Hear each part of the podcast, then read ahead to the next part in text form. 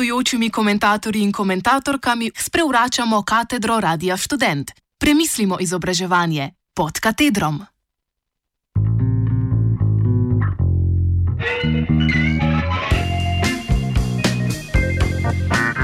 Kako vzgaja in izobražuje projekt Imuno?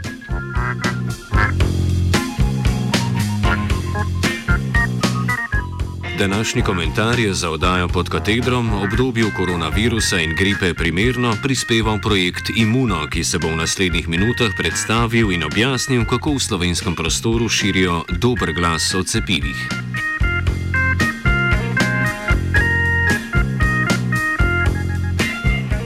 Skupine, ki nasprotujejo cepljenju, obstajajo odkar obstaja možnost cepljenja. V zadnjih letih, sploh v državah razvitega sveta, pa smo priča novemu valu nasprotovanj.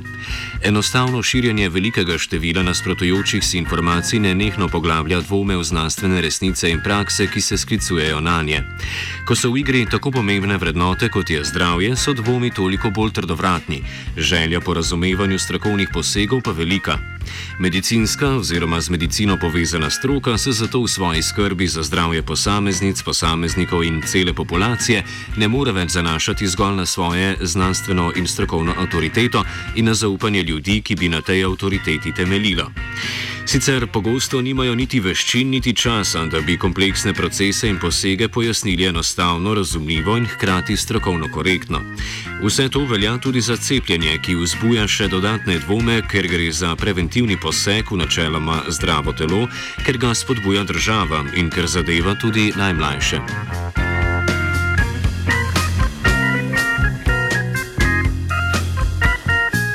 Bi ljudem korektno pojasnili pomen, učinke in posledice cepljenja, pa tudi način proizvodnje cepiv, da bi pomagali poglobiti zaupanje v cepljenje, pa tudi v zdravnice in zdravnike, ki ga zagovarjajo in izvajajo, se je leta 2016 oblikovala delovna skupina pod imenom Imuno, ki je z leti prerasla v najaktivnejši projekt pod okriljem Društva študentov medicine Slovenije, krajše DŠMS in hkrati eno najuspešnejših študentskih inicijativ na področju javnega zdravstva, o čemer priča nagrada Evropske komisije za najboljši javno-zdravstveni projekt na področju cepljenja leta 2017.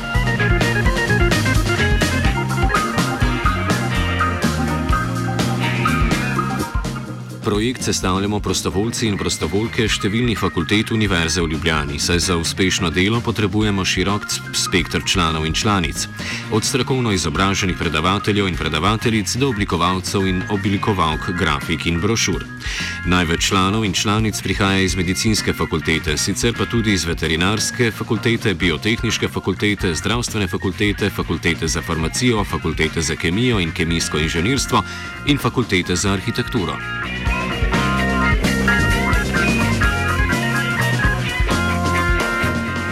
Da bi dosegli svoj cilj, izvajamo delavnice na srednjih šolah, javna predavanja, predavanja na šolah za starše in na fakultetah za študentke in študente. Prek spleta in spletnih socialnih omrežij širimo preverjene informacije in odgovarjamo na dileme, organiziramo izobraževalne kongrese.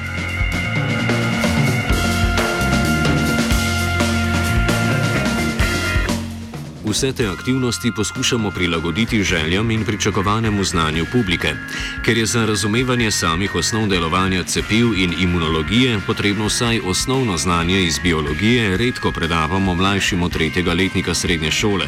Za na Za naprimer študente naravoslovnih fakultet pa predavanja prilagodimo, tako da vključujejo podrobnejše razlage in nova odkritja z tega področja.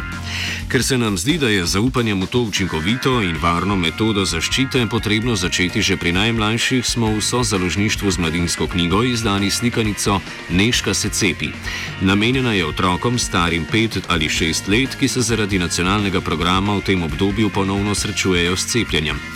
Cepljenje seveda ni prijetno in slikanico poskušamo staršem in otrokom olajšati obisk pri zdravniku ter se jim približati na poljudnejši, prijetnejši način.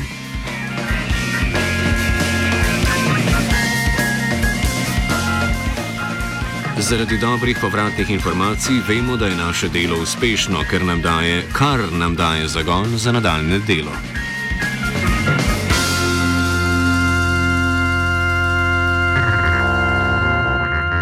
Projekt Imuno je predstavil Vid Čeplak Mencin.